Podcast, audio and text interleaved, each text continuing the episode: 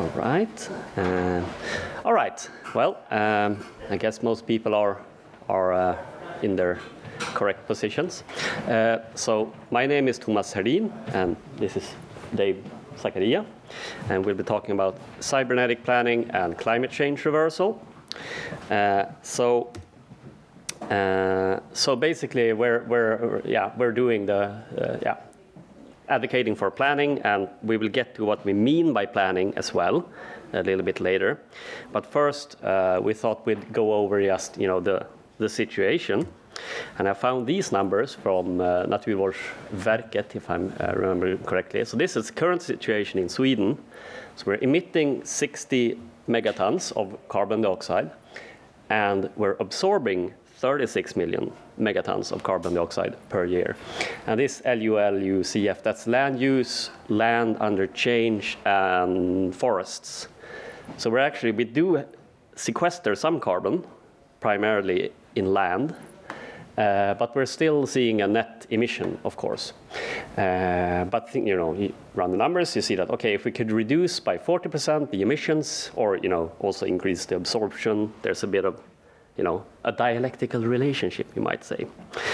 Uh, then, uh, uh, yeah, I also made this little thing. So I put in blue the absorption, and then on the, the orange uh, slice, that's what's not being absorbed, so that's the net emissions. And then a breakdown of all the industries in Sweden.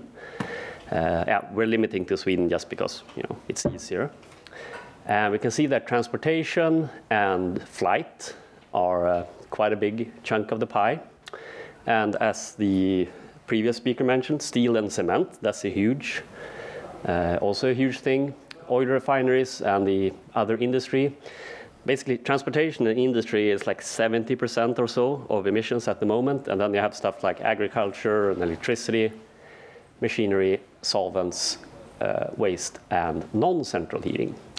Uh, and these, of course, all of these different industries affect each other. So if you, for example, like SSAB wants to go to green steel, so they do direct reduction of, of iron oxide using hydrogen, then the demand for electricity is going to increase. And unless you also have carbon-free electricity, you're kind of you're kind of just moving things around. You may even be worse in terms of emissions. Um, so that's something that we're um, looking at. So basically, our point is that the climate situation requires us to physically, you know, take the carbon out of the atmosphere and put it into the ground. And our point is that the market will be unable to do this since it considers carbon dioxide to be, uh, you know, an externality. And our point is also that this will require very large-scale investments. There will be a need to develop new industry uh, or new new technical you know solutions and stuff. And because of this, uh, planning and especially worker participation in this planning is essential. So you, you, cannot even have like a you can't have like a single little panel of people deciding this, but you need to have the people who have the actual knowledge of the electricity grid, of how the food is made, and all this stuff uh, need to be involved in this process. So we also have a little bit of basically where this notion of planning comes from. And of course, we have uh, some stuff from, from Marx. So uh, this is a quote from Capital. So let us now picture to ourselves, by way of change, a community of free individuals carrying out their work with the means of production in common. Labor time would, in that case, play a double part. Its apportionment in accordance with a definite social plan maintains the proper proportion between the different kinds of work to be done and the various ones of the community. So Marx is a little bit he's not very explicit in a lot of his work. Uh, I think the most explicit he gets is in the Gotha critique. Uh, you also have Engels with uh, socialism, utopian, and scientific, but neither of them are really, they this is kind of the closest I found uh, looking at it. So they kind of identify that you need to look at at the use values, uh, but the exact details. So uh, in the 1860s, it is believed that this is kind of just an, an internal accounting problem, and it's not particularly difficult. but it turns out to actually be rather, rather tricky. And then from the talk yesterday, uh, was it Ben Benanav? Uh, brought up Otto Neurath.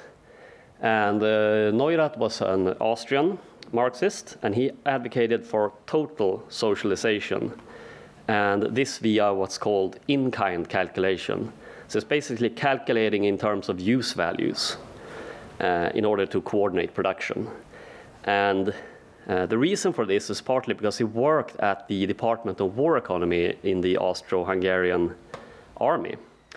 Uh, so during the, the First World War, the, the Austro-Hungary pretty much immediately went to planning for the war economy. Uh, because basically what Neurath says is that you win wars with you know, bread and bullets and bombs and not with money. And they actually realized this and they, they made the best of the situation. They still lost the war, of course, but uh, they did pretty well for a landlocked country surrounded by mostly by enemies, you know. Uh, and he was also involved in the Bavarian uh, Soviet Republic, which was a short-lived uh, socialist project in, in Bavaria that lasted for less than a month before the authorities went and shut it down and arrested all the involved. Uh, Neurath somehow managed to avoid avoid them. And he fo formulated what's called the Kranold Neurath Schumann plan, which was, which was basically a plan to fully socialize Bavaria. But of course, this didn't really come to pass. Um, so it's kind of the 1910s. And then in 1921, we of course get uh, the most famous exemplar planning, I would guess. We get Gosplan in the USSR. And Gosplan em emerges as a way to deal with the problems uh, that they encountered during Goelro, the attempt to basically the, the, the electrification of the Soviet economy called for this uh, massive plan. And they quickly discovered that this was rather, rather tricky and rather tedious. Uh, so basically, yeah, Gosplan is founded in this, uh, yeah, at this time. And they mostly concerned themselves with strategic planning. So a few key goods were planned in kind, so things like steel and I believe electricity, of course, uh, transportation in terms of kilometer tons, that kind of stuff. But other than that, they usually, for, for a lot of the light industry, they just went with rubles. So they, they couldn't really do the, the sort of detailed uh, low level planning, but rather a more uh, upper. And yeah, they 1921, there's no computers, or computer is a title that someone holds. It's a job. Uh, so they have pen and paper and adding machines. That's kind of the technology they have in 1921. Uh, but they did move towards computerization after a while. And I believe they also had some kind of proto-internet. There are some uh, stuff like this. It's, it's tricky to get hold of details because the details are in Russian. So if anyone has details translated, then we are interested in, interested in that. Um, so that's how they did it in the USSR. It's kind of bureaucratic as well, as we may all know. Uh, the second, probably less famous example, but a lot of people probably know about, is Project Cybersyn in Allende, Chile. Uh, and this came about I believe it's Fernando Flores who was responsible for basically socializing the Chilean economy. And he brought in a British like management consultant kind of guy called Stafford Beer. And his model is known as the viable system model, which is kind of a multi-tiered uh, kind of, let's, let's say kind of a multi-tiered planning where you, you want to push everything as local as possible and you, you only want for example, each workplace to notify the, the level above if there's a problem. So um, if everything is working as it should, then you keep it sort of local, and only when there's an issue do you bring in, you know, maybe the regional people or, yeah, so up, up, up the chain. And this meant that they were capable of both tactical and strategic planning. So the system was able to adapt to changing uh, conditions, and especially Uh, this was especially useful. They had a big, like bourgeois, like a reactionary transportation strike uh, in, I believe, 72, something like this. And they, using this system, they were able to sort of plan around it to, to direct the transportation that they did have uh, sort of socialized around the, the strike. And this thing was networked from pretty much day one. Uh, though this was kind of a primitive network, it uses what's called a teletype system, which is sort of an early, early thing. And also partly computerized. They didn't have too many computers, they had maybe three or so. Yeah, two, okay. Uh, but yeah, it was an interesting experiment. Unfortunately, after the Pinochet coup, they, you know, tore it all down. So that's how that goes. Uh, and then finally, which some people here may be aware, since the 90s, we have especially uh, this book by Paul Cockshott and Allin Cottrell called, called Towards a New Socialism, where they talk about using, for example, linear programming to do planning, uh, making use of our, the massive advances in modern computing, and especially like a, a radical vision for democracy based on the Athenian uh, democracy. So it uses sortition. So basically, you draw representatives by lot. So you know, among the entire population, you yeah, pick randomly, pretty much, and you will sort of automatically uh, represent the people.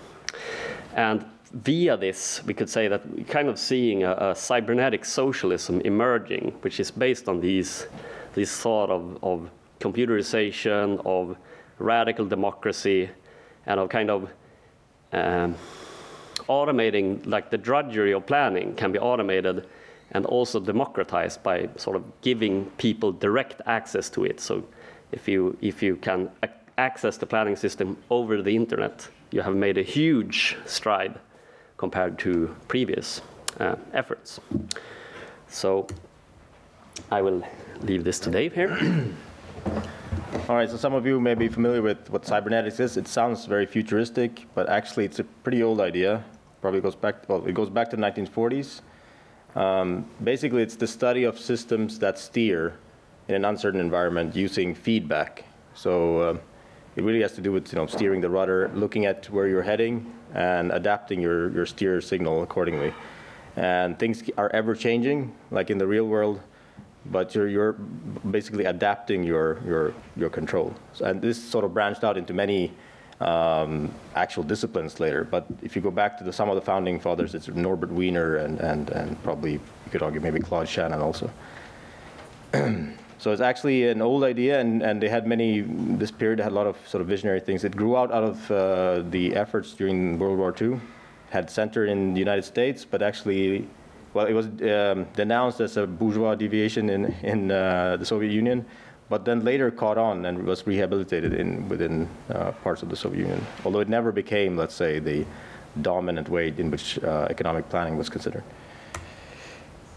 now, within capitalism, you can actually think of many different degrees of coordination that, that, um, that has occurred throughout history. I mean, you have households, uh, you know, it's a few individuals at, at most, and um, at the other extreme, you have the wartime economy, as the Neurath example shows, where you have basically you have to consider all not just the direct amount of let's say tanks or food you want to produce, but all the indirect links. I mean that's what makes things very complicated. That you have indirect uh, links between all the units of production, and um, market economies obviously are more on the, the local side. That is the degrees of freedom. Basically, suppliers and users talk to their buyers and sellers, and that's the they don't consider all the end products for which you know, you improve green steel locally, but as Thomas said, where's the end? Uh, what's the net result in the end? That's not obvious from a producer's point of view.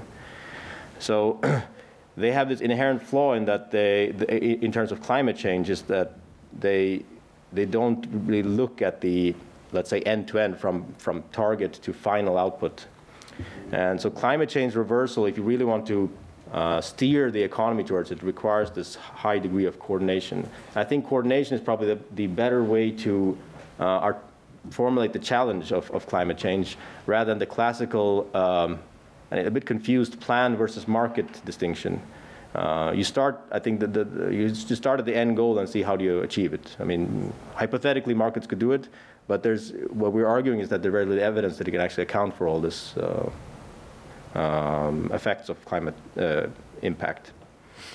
And there is actually, I think Matt Huber mentioned before, but uh, anyway, there's been effort, uh, estimates on how much effort it would take to actually change or reverse the climate change trend. And it's, the current estimates are, you know, a larger labor effort than the war effort in World War II. So it's a very massive project to even begin. And arguably, you could even make the case that uh, it would require even higher degrees of free, uh, coordination than a wartime economy because those are sort of national. And uh, climate change reversal will be international if it's actually done on a global scale, and it's a global problem. So,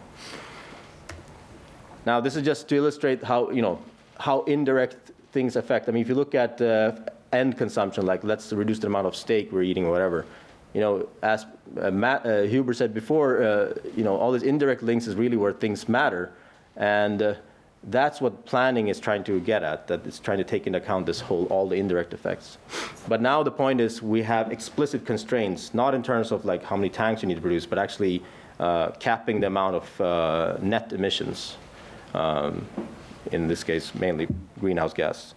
And you can already see that you know things have to be accounted for then in actual well units of carbon uh, dioxide, for instance, not number of dollars. It doesn't really help you if if the dollars go down or up, uh, if the carbon emissions keep increasing. So you have to do things in physical rather than monetary terms. And then we're back to the arguments of Neurath, which was who was making these points.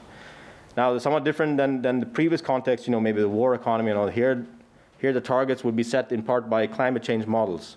You know, over a time horizon over 30 years, uh, we need to uh, cap these. I mean, the model will tell you roughly how much carbon emissions you have to reduce per year, and then work yourself backwards and say, how should we scale back production accordingly?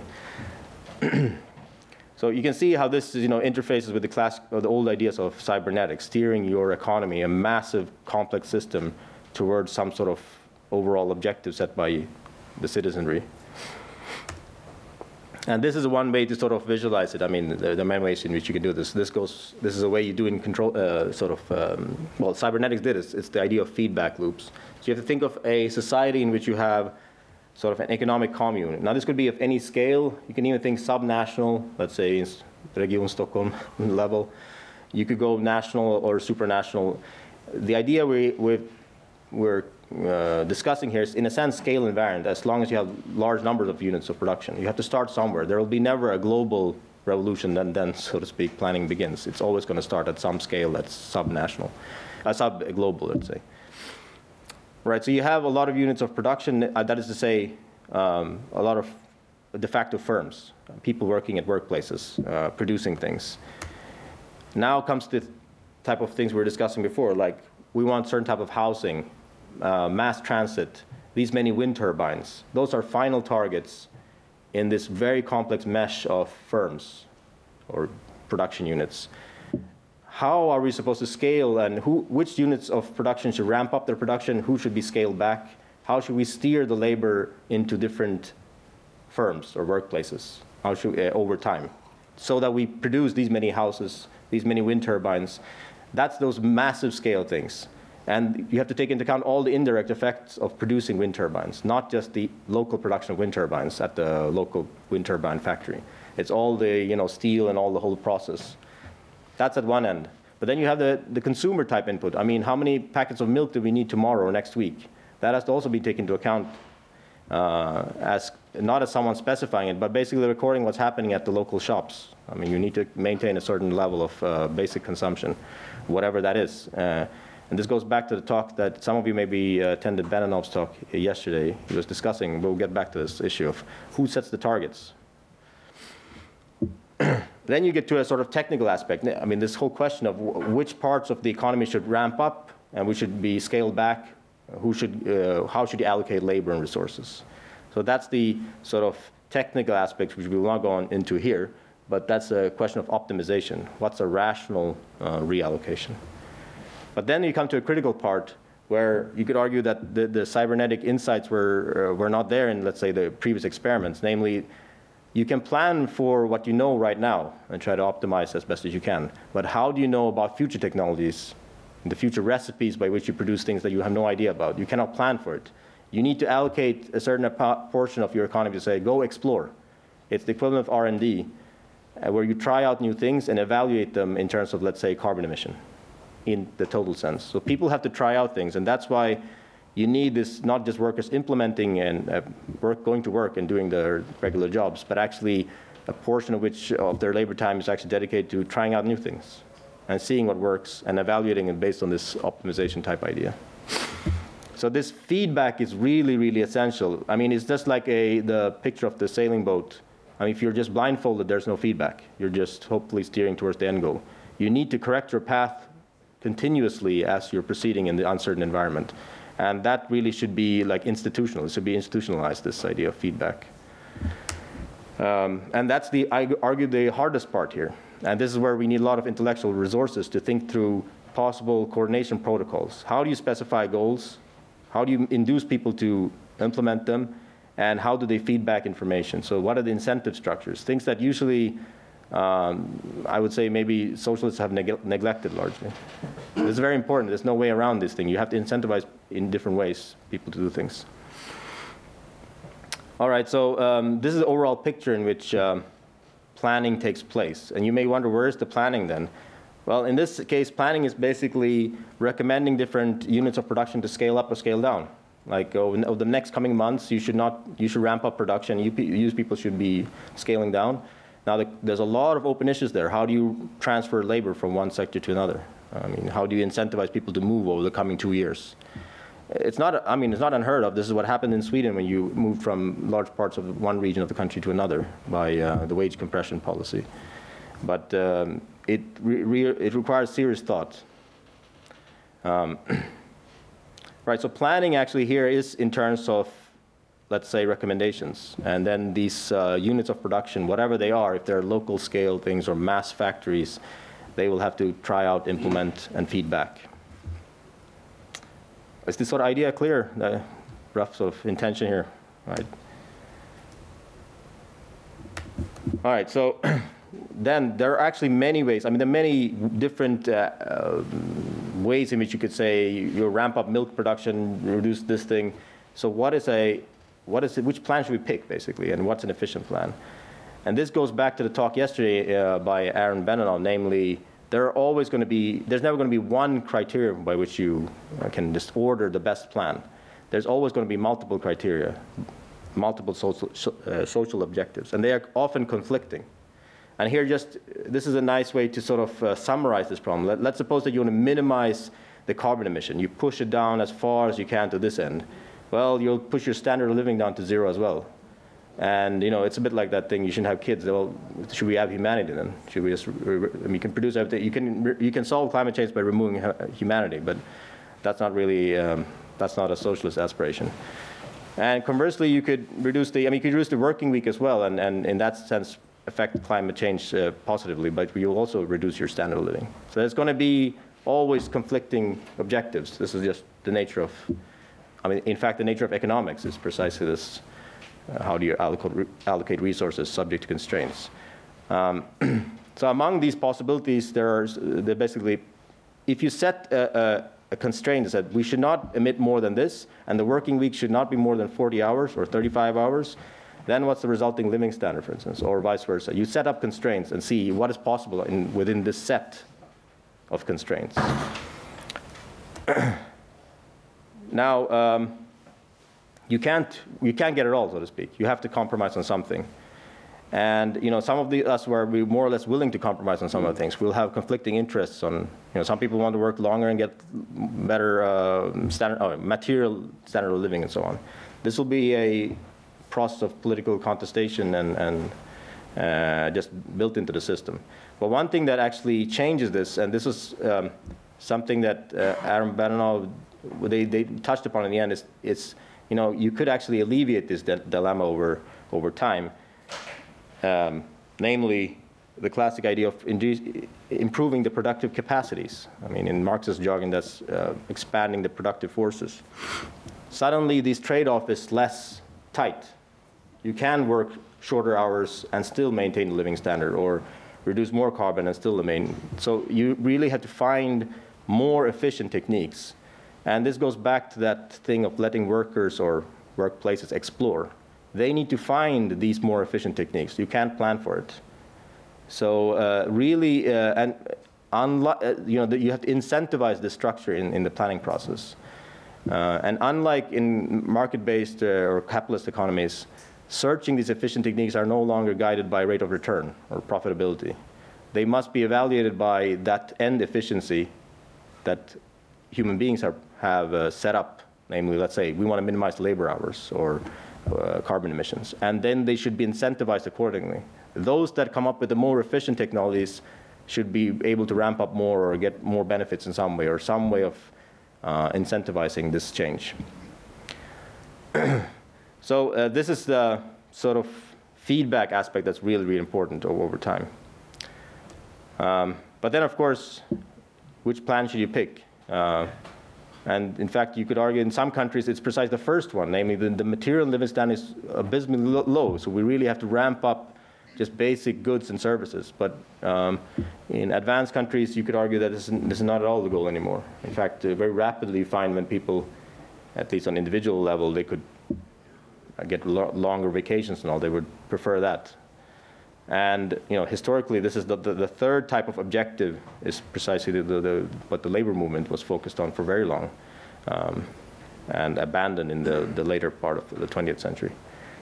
Um, but that, is, that would be, if you go back here, it would be, or maybe here, it would be to press the living, the working week as short as you can, the global working week. And then how that's allocated, that's again a question of um, protocol design. How do you allocate labor in the population? And this is a very important open problem. Um, all right, so, uh, and yeah, we can get back to this. So the, this is, in comment to Aaron Benanav's talk, he actually made the point that yes, there's, he made the first point, namely, there are multiple objectives and they're always conflicting or potentially conflicting. We agree with that. He then said that there, there can, there, you can never trade these off. I mean, that's formally incorrect. The moment you can quantify any of these objectives, you can trade them off. And in fact, we're doing them all the time. They could be more or less coherent how you're trading them off, but you are trading them off. Uh, and that, these basic constraints basically are illustration of that idea. Um, I mean, basically, when you pick, let's say, minimize labor, labor time, then you are saying how much am I prepared to reduce my standard living up to whatever constraints I set. All right, so let's uh, round off there. I guess there's uh, the, the classic question to end on what is to be done? There's a lot to be done, I think, uh, not just like over a long period of actually tackling this problem, but even at this level, building up uh, capacities within the broader left and, let's say, environmental movement. Um, I mean, what should socialists do? Uh, arguably, we have no independent economic theory all left intellectuals, LO economists, uh, the bulk of uh, you know economic expertise build on theories and frameworks that are um, basically not far from conventional economics, for which you just add and you hope that you're adding something that represents um, environmental constraints. There's nothing like in-kind planning. There's nothing like these kind of cybernetic thinking, uh, um, large-scale uh, reallocation problems. So we have no independent theory. We, if you want, there is a rich literature on this, but they're not what you. If you go to economics courses in, uh, at Stockholm University or anywhere else, you're not to. You have to learn by yourself. You have to study it outside the main, the mainstream. Uh, so we we have, in a broader sense, we have to build up this economic theory and policy independently and think about them quite seriously. I think they've been brushed aside for very long.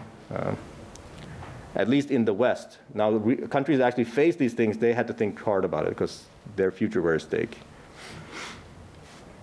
Another thing is we need to popularize and disseminate these alternatives. I mean, it's, it's, it's you know, our uh, political imagination is very limited. We, it's very hard to think about beyond any, anything that may be some sort of, well, Green New Deal is basically the most visionary thing we have at, at the moment, which is eff- effectively incentivized uh, Uh, in ways to incentivize private investments. Right? There's no fundamental change of anything else. And hopefully that could steer you in a certain way, but it's not even the scale you need for, for these pro- problems. And then there's you know, the run, which is really a critical point. You, you cannot deploy to such a system just out of nothing. You have to start trying out seeing the failures or, or correctives, redesign, look at, ex- you need to evaluate just like the feedback loop itself. And we have not such experiments. We could do it on a certain scale if you had sort of more visionary uh, projects. I mean, you could do it within parts of the public sector and see how with internally, I mean, you have internal accounting in many of these uh, public sectors. You don't have to buy between or sell between units of production. You could actually have a, a virtual, uh, you know, allocation of, of, of goods. Uh, in, in other countries, like in Spain, we, know, we have sort of comrades who are, who are approaching Mondragon, which is the biggest cooperative in the world. And um, arguably, probably in Brazil, there, there are, you know, there are local producers who would, who would probably benefit being stronger together. That's the thing. Uh, that's the potential of this kind of uh, framework of thinking. Um, and we sort of set up, those of you who are sort of uh, know some basic programming, we set up some experimental code and sort of a white paper describing how some of these tech- techniques could work. Uh, worked with uh, Luke, who is here. Um, we're using real Swedish data for national accounts. There's actually multi-sector, like uh, forestry, steel sector, blah, blah, blah, the whole table of what's being produced and consumed. How should you allocate to meet targets there? It's still very coarse, but it allows us to actually at least take a first step towards imagining what it would be to steer the economy in some direction. All right, uh, I think that's about it. So, any questions?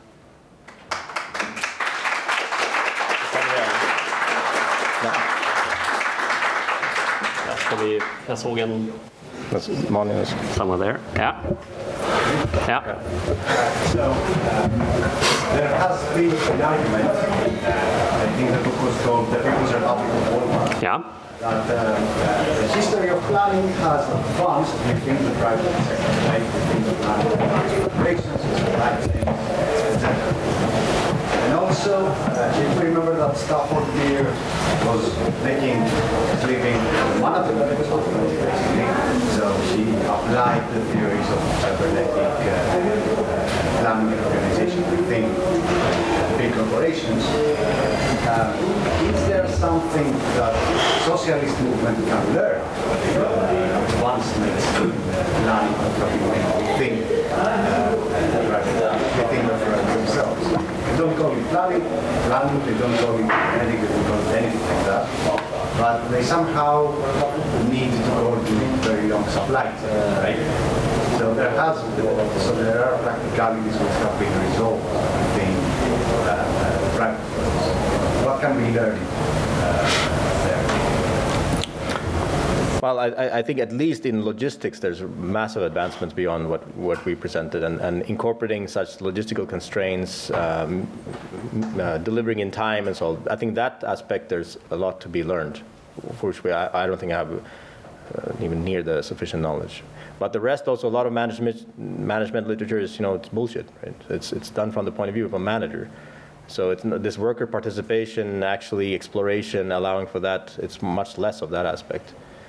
Um, But I, I, yeah, there is valuable insights to be there, but we need, it's, I guess it's part of this, building up our capacities to work ourselves through that literature and extracting what's useful.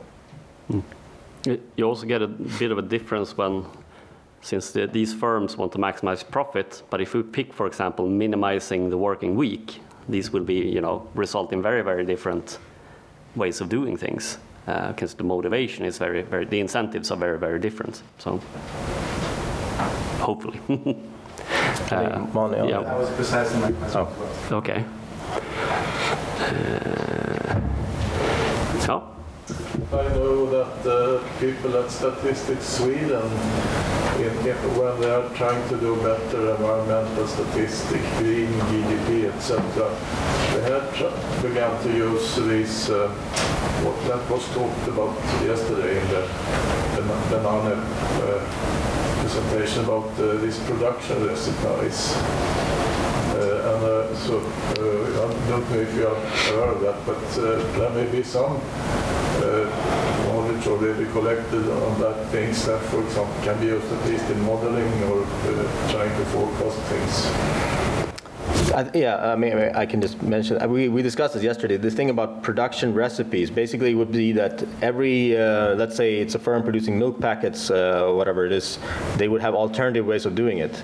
Now, the, the problem is you can't really specify that. What you can say is what we did now and possibly what we did in the past.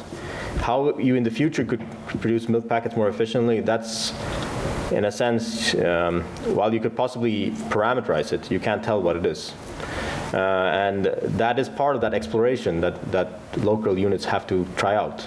Uh, Perhaps you should say that it, it can be quantified, but we can't know what it, um, we need the input of the workers. So the workers will know how to make like a milk packet of different types. So they need themselves need to put it in because you can't have like you know, you can't have your central committee sitting around, you know, dreaming up production methods. It has to be the workers themselves, because they are the ones with the knowledge. I must defend myself, I I only proposed it in the same spirit as this example from Walmart. You can learn something from it, not that you could uh, have a total solution. I agree with what you say, of course you need to work with it. So if you actually, if those were interested in the formal side of it, you could actually think of setting up, like this code allows you to set up a hypothetical alternative production mix and see what would that do for carbon emissions to- in total in Sweden. Like let's suppose you could produce steel in a different way. I can try out what the inputs could look like and what would it, what would be the net result. Um, but uh, in the end, that has to be anchored in real data. You can you can play around with it, but someone has to try it out in real.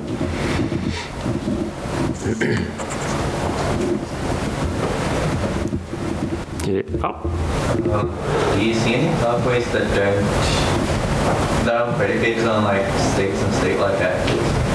Like, does this have to be top down in your mind? Not really. Like uh, we should have had a slide on the VSM, but basically, uh, it is beneficial to push it as local as possible because information travels more easily, you know, locally.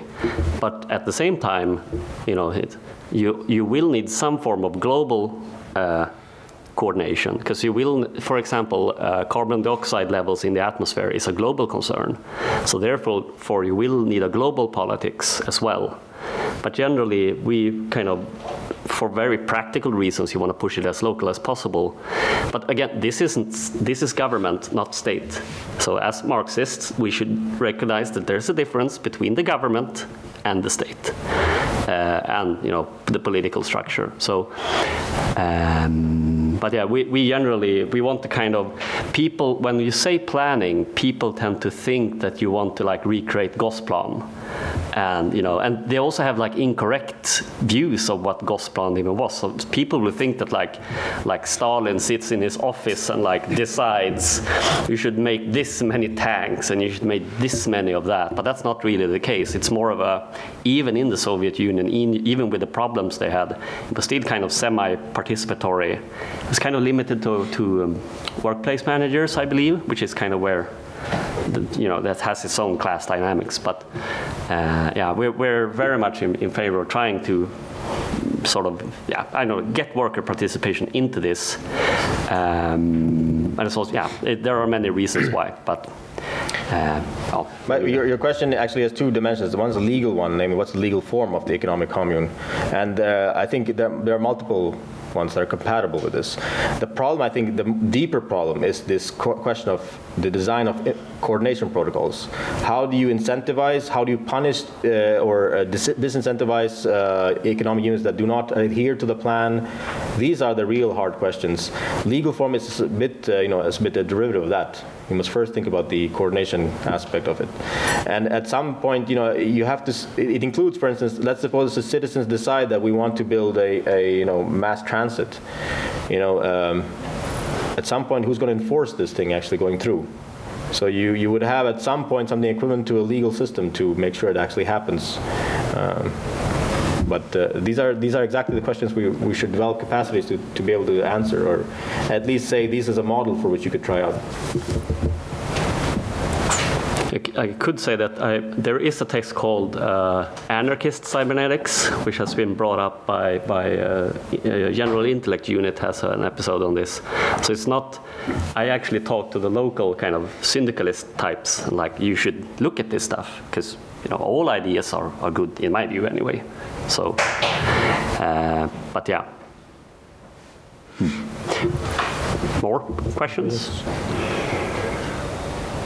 Or any point you want to make? Usually there's always a, Yeah. good, but Uh, maybe a naive question, but how do you conceive of money in this scheme? Money at all present, or any other kind of tokens, or are we way past that? It- It's easier if you don't have to care about remuneration. So that, that's what's called the remuneration problem, or what I or we call the remuneration problem. And you can add on top of this, you could add a system of labor vouchers, for example. And you can relatively, it's straightforward to compute the uh, the value of every good produced. This is a straightforward mathematical operation. You have the, the labor statistics, you know, you, have, you know how many shifts people have worked, you know how much they put out uh, in terms of, you know, number of, you know, glass carafes, number of microphones, and you can just account for this and you can, you can put a value, a price tag, if you want. And then you can sort of, there's a political struggle there whether, for example, should we price, uh, we could decide to put a price on uh, like hospital care if you wanted to, but probably wouldn't. But you know, you can compute what the what the value of a certain service or good is, and then you can decide whether this should be provided, you know, free free of uh, free of cost. I mean, it's like a dec- decision between public provision versus market provision, essentially. It's the same type of thing. So conversely, you could say, you know, instead of uh, you freely choosing how much milk you add, you could say this much ration. It's, it's, an, it's a, this, you know, everyone gets this much milk. So it's a question of, the citizen should decide what are the public, common goods and what are not. But the consumer goods arguably should be allocated in some sort of token or credit-based system. And then some part should be tied to remuneration for the very, at least for some sort of basic incentive structure. You, you could, for example, provide like certain kind of basic housing, basic food and stuff for free, but say uh, beer you might require payment for. So no, no beer unless you work, but you will be given potatoes. Just as a short follow-up, so so this is not really market socialism in that sense. no, a market you, you incentivizing structure. No, you could have a. So in uh, Cockshott and Cottrell's book, they, they suggest a system of publicly run stores where the locals, the people who run the store locally, can kind of adjust the prices a little bit, uh, basically to get rid of old stock.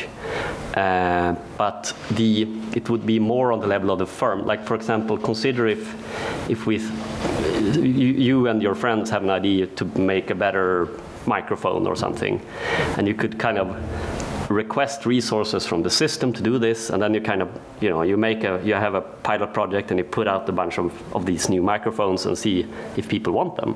And if they want them, the system will notice this and it's like, oh, well, have more resources. And the other way around, the people making the old microphones will suddenly see their allocations decrease. Um, and then there is a question of should you adjust the, the remuneration for the, how should the remuneration work? Should there be piece wages in the system? Should there be a basic income? Should there be a, an hourly wage? Should there be a combination of these things? So that's uh, and that's again a political question that we we kind of you know to the others. yeah I mean, i- it's not market socialism in the sense that there's no, um, at no point in the, in the system is it, are signals being governed by um, rate of return on investment. Uh, There are other criteria for which you are incentivizing. So in one sense, I mean, uh, the reason we put this, well, let me just go back to this point here, planning and being, this and being essential is that this is, you know, the central planning dimension, and this is sort of the market socialist dimension, if you like. And uh, Actually, in formal literature and like contextual bandits and so on literature, this is known as exploitation, namely go, go opportunistic on the best method you know about, and the other one's known as exploration, namely search for better methods. And that's where you need both elements, and it's a question of how much you want to spend on one or the other. Hmm. yes Yeah, uh, I wanted to ask if you have any ideas of like if this system, this system implemented on whatever level, how would it play with the surrounding environment of a capitalist world? Because I assume at some point you, you reach the end of, of what's inside the system and, and hmm. uh, if we think of to do? Yes, it would unavoidably, unavoidably you have to do trade. So trade would be a sector, kind of in the, kind of a unit in the system. And there's kind of, depending on the scale of the system, you can start doing very fancy, like you, you, the entire system internally is entirely transparent. So you could like notice on the market that the, the price of this, of some good, is way lower than its value. And then the system could exploit this in order to, you know, get foreign currency cheaply into the thing. And then it could, you know, that's another, it's a good, same as any other. You know, uh, money in the system is just another, you know, thing you have uh, available. And sometimes you need to buy things. Um, so you, you kind of have to maintain a certain level of credit and, uh, you know, a trade balance that kind of doesn't deviate too much. Uh, but you can have, using the planning system, it can figure out a way to basically suck value out of the capitalist economy. So if it's set up correctly, and that, that's at least why I say that socialism necessarily is a higher mode of production. And so a successful socialist system will eat capitalism because it is more rational. Uh, so, but that's yes, it would you would have to do trade. You couldn't like do like North Korea. oh, uh, even they do trade. So Well, let's take the example of wind turbines. So that the citizenry decides in this commune to expand it, you're going to have to import parts of it. This, you can't do this internally. Uh, so, I mean, the, the model is actually formally premised on being uh, embedded in an environment that's possibly hostile, and you have to interact with. Uh, what you, what the, one of the things you can leverage is the drive towards efficiency, rather than rate of return. So maybe you can get benefits that way. But uh, you really have to start leveraging economies of scale in trade, for instance. I mean, this is a bit like Systembolaget being large and being able to purchase in at, at uh, large units.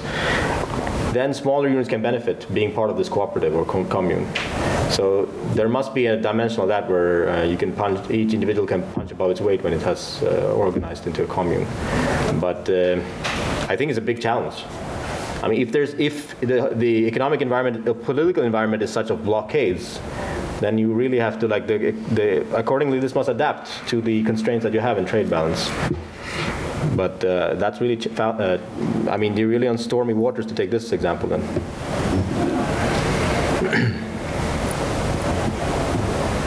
oh yeah.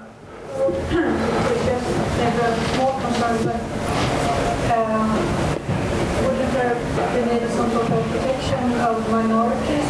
in this? I mean, it might not always be um, the the most effective way of planning production to, uh, uh, I don't know, uh, get uh, food that's uh, allergic friendly or something like that. I mean, but it might be needed. Yeah, that would be a demand constraint. So you would need to produce, for example, gluten-free products, and you know you put in a you know that some number of people want them, and you produce them. Like there's a lot of stuff you can do with just thinking in terms of constraints. So even things like you know we, we don't want to build factories in a certain area because of cultural reasons or whatever, and put that into the system, and it'll, you know, avoid that. So there's a lot of stuff you can do. Like we mentioned carbon dioxide, for example, to take the the uh, from the person there. Uh, there's other environmental constraints you could put in as well, of course.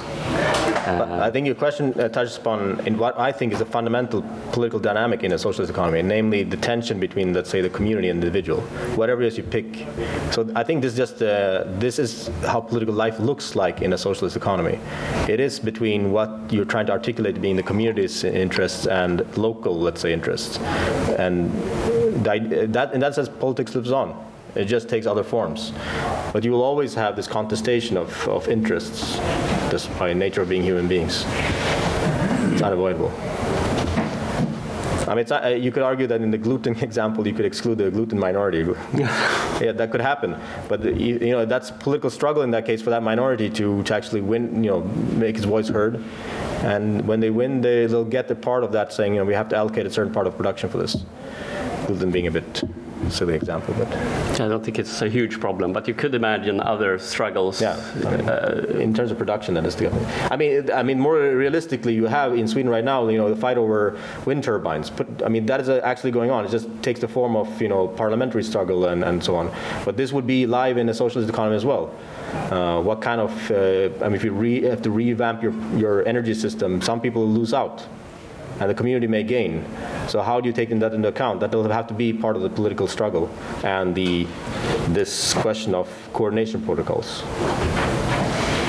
But now it's done. I mean, here at least in principle, it's uh, you know one person, one vote. In the current system, it's not. So, I mean, this is the way democracy works if it were to be real.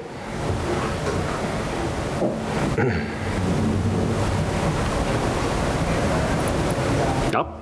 So, do you think that uh, the technical questions are around uh, large-scale planning have been resolved, or do you see any? Now we have a, I have a slide prepared for this. Uh, on the- Finally. yes. Yeah, no one well, I. I I put a, I put a, at least on the computational side, basically, uh, for optimizing it, if we do linear programming or linear pl- planning, where we presume that there's no economics of scale or anything, which is a simplifying assumption, basically, it has the same complexity as solving a linear system.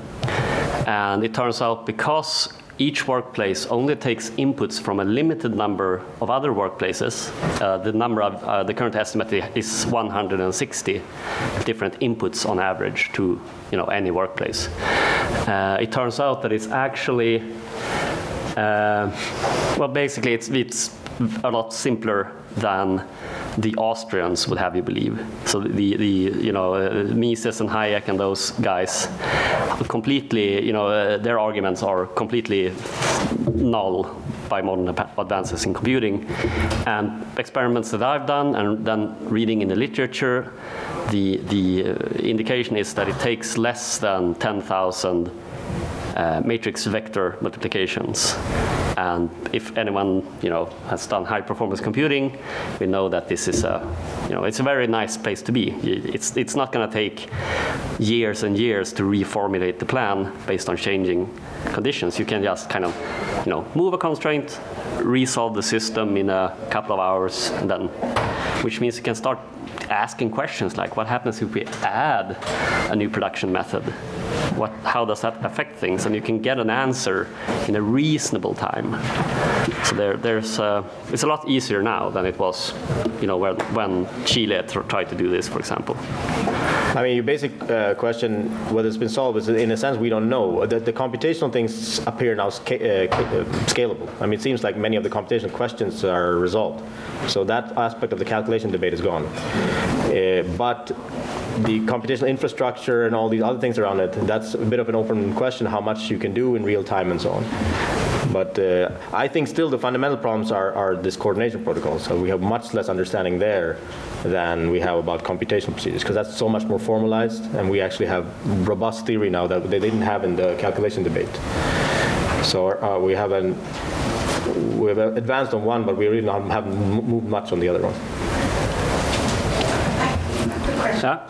It's just what you think about um, current experimentation of like kind of right-wing investment groups, the DAOs, all these kind of, you know, kind of like liberal to right You mean like cryptocurrency?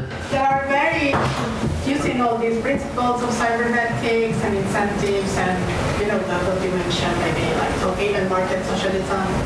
Um, what do you, I mean, do you have any thoughts about the way it's been used already by the right to, to experiment with this plan on smaller scales? Well, they're still in. They're still doing market stuff, so it's still subject to the chaos of the market. So, the, you know, they're not going to be able to deliver any kind of guarantees on climate stuff.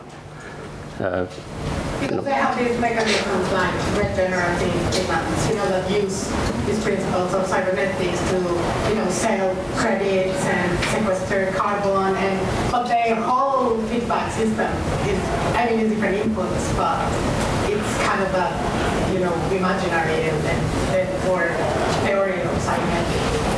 Yeah, I mean, you can pick ideas from cybernetics and apply them to sort of liberal uh, purposes, of course. I mean, any tool can be used for, for multiple purpose. Um so, um, yeah, I don't know. I, I mean, it may give them an advantage on their project, but with respect to these questions, I have no idea. I mean, the principles are so general that any viable, the argument from Wiener was precisely any viable system in the world a- applies these principles somehow of feedback and steering. So it's so general. he, he, like uh, Beer uses the human body as an example of a viable system which steers itself. Uh, it tries to mis- maintain home, homeostasis. So that's kind of the, I guess, yeah, homeostasis may be one good way to look at it. Uh, the system needs to be able to reproduce itself. Oh yeah, that ties back to Marx. Social reproduction. Oh, okay. Right. Yeah. Well, we're, uh, yes, Thanks, Mia. that's all for us.